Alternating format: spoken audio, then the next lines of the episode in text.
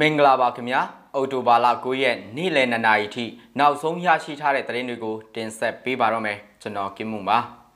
ကမ္ဘာနိုင်ငံများကတိုးတက်မှုတွေအရှိန်မြင့်နေချိန်မှာမြန်မာပြည်ပြန်လည်ထူထောင်ရေးအတွက်ဒုညအဆင့်ကနေပြန်ဆရမယ်လို့တာမကြီးဦးကျော်မိုးထွန်းပြောဆိုလိုက်တဲ့သတင်းမြန်မာစစ်တပ်ကတပ်အင်အားတိုးပြီးလက်နက်ကြီးတွေလည်းတပ်ဖြတ်ချထားလို့ကိုလာသမကစိုးရင်ရတဲ့အကြောင်း ဝက်လက်မြို့နယ်ရွာနန်းကျေးရွာအနီးမှာရှိတဲ့မိုက်တယ်တာဝါတိုင်းမီးရှို့ဖျက်ဆီးခံရတဲ့အကြောင်းထမိန်တွေနဲ့မန္တလေးမြို့တွင်းကအမျိုးသမီးတပိတ်စစ်ကြောင်းမြင်ကွင်းတွေနဲ့အတူထရမ်လက်ထက်ကဖဲ့ထုတ်ထားခဲ့တဲ့အမျိုးသားထိမ့်မှတ်နေရာတွေပေါ်ကာကွယ်မှုတွေကိုဘိုင်ဒန်ပြန်ပေးမယ်ဆိုတဲ့သတင်းတွေကိုတင်ဆက်ပေးပါတော့မယ်ခင်ဗျာပထမဆုံးတင်ဆက်ပေးချင်တဲ့သတင်းကတော့ကမ္ဘာနိုင်ငံတွေအနေနဲ့ဖွံ့ဖြိုးရေးအစီအစဉ်2030အတွက်အခုဆယ်စုနှစ်ကာလတွင် တူးတက်မှုတွေကိုအရှိန်အဟုန်မြင့်ပြီးလှုပ်ဆောင်နေပါတယ်။ဒါပေမဲ့မြန်မာပြည်သူတွေကတော့မအောင်မြင်တဲ့စစ်အာဏာသိမ်းမှုတွေနဲ့အတူလူမဆန်သောလှုပ်ရက်တွေနဲ့ဆိုးရွားတဲ့အကျိုးဆက်တွေကနေပြန်လည်ထူထောင်နိုင်ရဲ့အတွက်သူညအဆင့်ကနေပြန်စပြီးစတင်ရလိမ့်မယ်လို့ကုလသမဂ္ဂဆိုင်ရာမြန်မာအမြဲတမ်းကိုယ်စားလှယ်တာမတ်ကြီးဦးကျော်မိုးထွန်းကပြောလိုက်ပါတယ်။ တာမတ်ကြီးက86ကြိမ်မြောက်ကုလသမဂ္ဂအထွေထွေညီလာခံဒုတိယကော်မတီစီးပွားရေးနဲ့ဗန္ဒာရေးရဲ့အထွေထွေမူဝါဒရေးရာမင်းခွန်းမှာအခုလိုပြောဆိုလိုက်တာဖြစ်ပါတယ်။ဖေဖော်ဝါရီလမှာဖြစ်ပွားခဲ့တဲ့တရားမဝင်စစ်တပ်အာဏာသိမ်းမှုဟာနိုင်ငံရဲ့နိုင်ငံရေးစီးပွားရေးနဲ့လူမှုရေးစုတောင်းတွေအလုံးအပေါ်စိုးကျိုးတက်ရောက်ကကတ်ဆိုးတစ်ခုအသွင်ဖြစ်ခဲ့ပါတယ်လို့ဦးကျော်မိုးထွန်းကပြောပါတယ်။ ရွေးကောက်တင်မြောက်ခံရတဲ့အယက်သားအစိုးရလက်ထက်2016ခုနှစ်မှ2019ခုနှစ်အထိနှစ်စဉ်ပြန်မြ GDP တိုးတက်မှုတွေ6.2ရာခိုင်နှုန်းရှိခဲ့ပါတယ်။ကုလသမဂ္ဂနဲ့အနိကပူးပေါင်းပြီးတော့မြန်မာရည်စီတီတန်းခိုင်မြဲသောဖွံ့ဖြိုးရေးအစီအစဉ်2018-2030နဲ့အနီးရေးဆွဲကငြိမ်းချမ်းရေးကောင်းမွန်သောအုပ်ချုပ်ရေးစီးပွားရေးတည်ငြိမ်ရေးလူစွမ်းအားအရင်မြစ်ဖွံ့ဖြိုးတိုးတက်ရေးနဲ့ပတ်ဝန်းကျင်နဲ့ရာသီဥတုပြောင်းလဲမှုတန်ခံနိုင်ရေးတို့ပေါ် အလေးထားဆောင်ရွက်ခဲ့တယ်လို့အာနာမသိမ့်မီကာလအခြေအနေကိုလည်းတာမတ်ကြီးကပြောခဲ့ပါတယ်။2020ပြည့်နှစ်မှာကိုဗစ်ကပ်ရောဂါကမြန်မာစီးပွားရေးကိုပြင်းထန်စွာထိခိုက်စေတဲ့တိုင်ရွေးကောက်ခံအစိုးရဟာမန်ကန်တဲ့လူမှုစီးပွားရေးဘဝကယ်ဆယ်ရေးမူဝါဒတွေနဲ့အတူ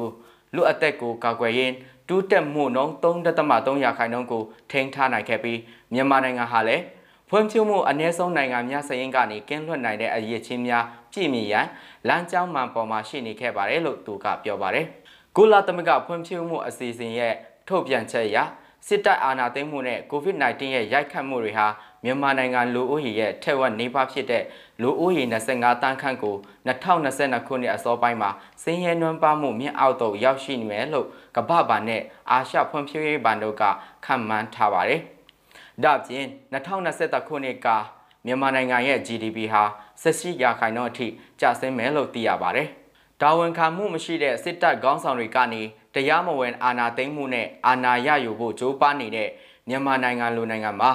တရားဥပဒေစိုးမိုးရေးနဲ့တရားမျှတမှုတို့ကိုဖျက်ဆီးခံလိုက်ရတာကြောင့်တရားဝင်မှုနဲ့ကောင်းမွန်တဲ့အုပ်ချုပ်မှုကိုမတည်ဆောက်နိုင်ပါဘူး။အဲ့လိုပတ်ဝန်းကျင်မျိုးမှာရည်ရှိတည်တန်းခိုင်မြဲတဲ့ဖွံ့ဖြိုးတိုးတက်တဲ့ပန်းနိုင်စီရောက်ဖို့ ဘယ်သောအခါမှရောက်ရှိလိမ့်မှာမဟုတ်ဘူးလို့တာမတ်ကြီးကပြောပါတယ်။နောက်ထပ်တင်ဆက်ပေးခြင်းတဲ့သတင်းကတော့မြန်မာနိုင်ငံအလဲပိုင်းစကိုင်းတိုင်းနဲ့မကွေးတိုင်းဂံကောမြို့နယ်တွေထဲမှာစစ်တပ်ကစစ်အင်အားတူးချဲ့ချထားတာလက်နက်ကြီးတွေတပ်ဖြန့်ချထားတာတွေရှိနေတာကြောင့်အလွန်ပဲစိုးရိမ်ရကြောင်းကုလသမဂ္ဂလူအခွင့်အရေးဆိုင်ရာမဟာမင်းကြီးယုံပြောခွင့်ရအမျိုးသမီးရာဗီနာရှမ်ဒါဆာနီက မနိကကုလသမဂ္ဂသတင်းစာရှင်းလင်းပွဲမှာပြောကြားလိုက်ပါတယ်။ထိတ်လန့်စရာသတင်းတွေကဖော်ပြနေတာကတော့မြန်မာစစ်တပ်ဟာပြီးခဲ့တဲ့သတင်းပတ်အနေငယ်တွင်လက်နက်ကြီးတွေနဲ့တပ်အင်အားတွေအများအပြားတန့်ဖြတ်နေတယ်ဆိုတာပါပဲလို့သူမကပြောပါတယ်။ဒါ့အပြင်ခုလိုတန့်ဖြတ်ချထားတာတွေအတွက်ကျမတို့အလွန်ပဲစိုးရိမ်ရမိပါတယ်။အထူးသဖြင့်အဲ့ area တွေမှာပြီးခဲ့တဲ့လကကျမတို့မှတ်တမ်းတင်ထားတာကတော့ စစ်တပ်ဟာဖြည့်ပေးတိုက်ပွဲတွေဆင်နေတယ်ဆိုတာပါပဲလို့ရှမ်နာဆိုင်ကဖြည့်ဆွတ်ပြောပါတယ်။စကိုင်းတိုင်းဒေသကြီးတဲ့ကမြို့နယ်တွေနဲ့မကွေးတိုင်းဒေသကြီးတဲ့ကမြို့နယ်တွေပြင်နေရာတချို့မှာအင်တာနက်လိုင်းတွေကိုလည်းစစ်တပ်ကဖျက်တောက်ထားပါတယ်။ဒါပြင်ရထိုးမြင့်တပ်မိုးနှုတ်ကိုလည်းဆေလွတ်ထားတယ်လို့ရှမ်ဒါဆာနီကပြောပါတယ်။အင်တာနက်ဖြတ်တောက်ထားတာကြောင့်တားနဲ့ချီတဲ့ပြည်သူတွေအဆက်အသွယ်ဖြတ်တောက်နေပြီးအသက်ရှင်ရဲ့အတွက်လိုအပ်တဲ့သတင်းအချက်လက်တွေမရဘဲဖြစ်နေတယ်။ သတင်းအမောင်ချခံရတယ်လို့သူကပြောပါတယ်။နိုင်ငံတလွှာဆန္ဒပြပွဲတွေနဲ့လူအမြောက်အများဖမ်းဆီးနှိပ်စက်ခံရတာ၊ကွက်မြက်စီရင်ခံရတာစတဲ့သတင်းတွေတွေ့ရတဲ့အတွက်လည်းစိုးရိမ်ပူပန်တယ်လို့ကိုလာသမကလူအခွင့်အရေးဆိုင်ရာမဟာမင်းကြီးယုံပြောခွင့်ရအမျိုးသမီးကပြောပါတယ်စစ်တပ်ရဲ့နယ်မြေရှင်းလင်းရေးစစ်စင်ရေးမှာအမြောက်ကြီးပစ်ကိုချင်းနဲ့ကြေးရွာတွေကိုလေကြောင်းကနေတိုက်ခိုက်ခြင်းတွေလည်းပါဝင်နေတယ်လို့သူကပြောပါတယ်။စကိုင်းတိုက်ကသတင်းတပုတ်နဲ့ဆက်ရရင်တော့ ဝက်လက်မြို့နယ်ရွာနန်းကြီးရွာနီးမှာရှိတဲ့စစ်အုပ်စုပိုင်မိုက်တယ်ဆက်သွယ်ရေးတာဝါတိုက်ကိုဒီနေ့မနေ့အစောပိုင်းနှစ်နာရီလောက်ကမီးရှို့ဖျက်ဆီးခဲ့တယ်လို့ဝက်လက်အခြေဖြုတ်လှုပ်ရှားနေတဲ့ဖောင်းတိုင်းဖောင်းတိုင်းအဖွဲ့ကတာဝန်ရှိသူတို့ကပြောပါတယ်။အဲ့ဒီအဖွဲ့ကဝက်လက်မြို့နယ်တွင်ကမိုက်တယ်တာဝါတိုက်တွေဖျက်ဆီးတာမှာအခုဖျက်ဆီးခဲ့တဲ့ရွာနန်းကြီးရွာနီးကမိုက်တယ်တာဝါတိုက်အပါအဝင်10ခုရှိပြီဖြစ်ပါတယ်။စစ်သွယ်ရေးတာဝါတိုက်ရဲ့အဓိကအထိုင် box တွေမိလောင်ပျက်စီးသွားတယ်လို့ ဖောင်းတိုင်းဖောင်းတိုင်းအဖွဲ့ရဲ့တာဝန်ရှိသူတို့ကပြောပါတယ်။မြင်းရှုဖြက်စီးခံရတဲ့ဆက်သွယ်ရေးတာဝါတိုင်တွေကိုလာရောက်ပြုတ်ပြင်တဲ့ဘယ်ဝန်ထမ်းမဆိုတိတ်ညာမှာမဟုတ်ဘူးလို့လည်းသူကပြောထားပါတယ်။ဝက်လက်မြို့နယ်မှာစက်တင်ဘာလ12ရက်နေ့ကစပြီးဒီနေ့အောက်တိုဘာလ9ရက်နေ့အထိအကြမ်းဖက်စစ်အုပ်စုပိုင်းမိုက်တယ်ဆက်သွယ်ရေးတာဝါတိုင်10ခုမိစုဖြက်စီးခံခဲ့ရပြီးစစ်ကောင်စီတရင်ပြီးဒလန်6ဦးထက်မနည်းတုတ်တင်ခံခဲ့ရတယ်လို့သိရပါတယ်။ တက်ရဲလားတက်ရဲတယ်တီရဲလားတီရဲတယ်ဆိုတဲ့အစာတွေရေးသားထားတဲ့ပိတ်စာတွေကိုင်ဆောင်ပြီးမန္တလေးအမျိုးသမီးတပိတ်စစ်ကြောင်းကအော်တိုဘာလ9ရက်နေ့မွန်းလွဲပိုင်းအချိန်ကမန္တလေးမြို့တနေရာမှာစစ်အာဏာရှင်ပြုတ်ကျရေးအတွက်တပိတ်တိုက်ပွဲတစ်ခုပြုလုပ်ခဲ့ပါတယ်။ရုပ်တံဖိုင်ကိုလည်းဖွင့်ပြချင်ပါတယ်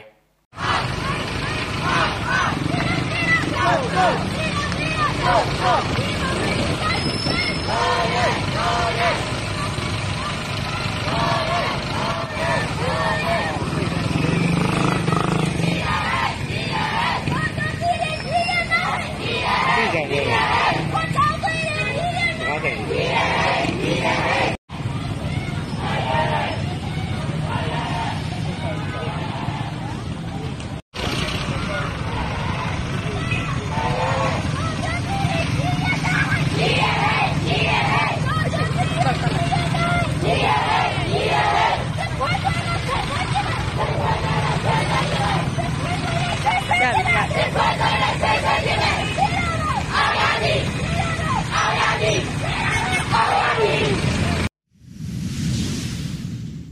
နိုင်ငံတကာသတင်းတပုတ်အနေနဲ့ Trump လက်ထက်ကဖဲ့ထုတ်ခဲ့တဲ့အမျိုးသားအထင်မှတ်နေရာတွေပေါ်သမရဘိုင်ဒန်က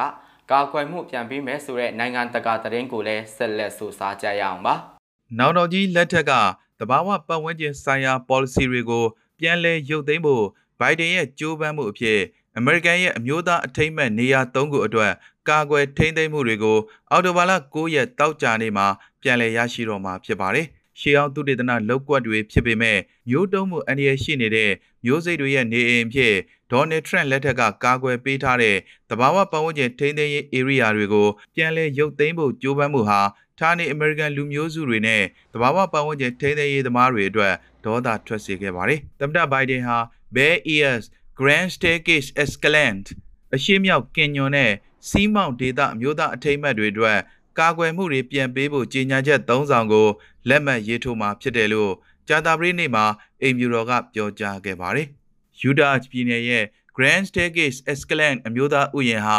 2018ခုနှစ်ကဒေါ်နယ်ထရန့်လက်ထက်မှာ45ရာခိုင်နှုန်းဖြတ်တောက်ခံထားရတဲ့၎င်းရဲ့မူလအကျယ်ဝန်းဧက1.8ခွန်တန်းကို ပြန်လည်ရရှိမှာဖြစ်တယ်လို့ဘဲအီယာစာလဲ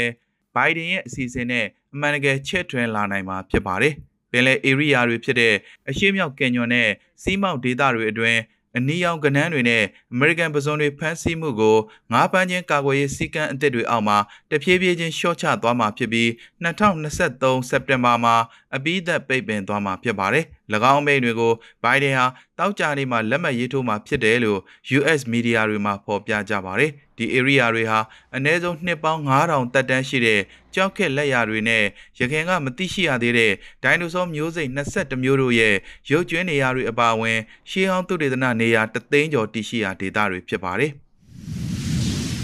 မစ္စည်းမရဲ့အော်တိုဘာလ9ရက်နေ့လယ်2နာရီထိနောက်ဆုံးရရှိထားတဲ့သတင်းတွေကိုတင်ဆက်ပေးခဲ့တာပါမြန်မာပြည်သူပြည်သားအလုံးစိတ်ရချမ်းသာခြင်းကိုယ်ရေးချမ်းသာခြင်းနဲ့ပြည့်စုံကြပါစေခင်ဗျာ။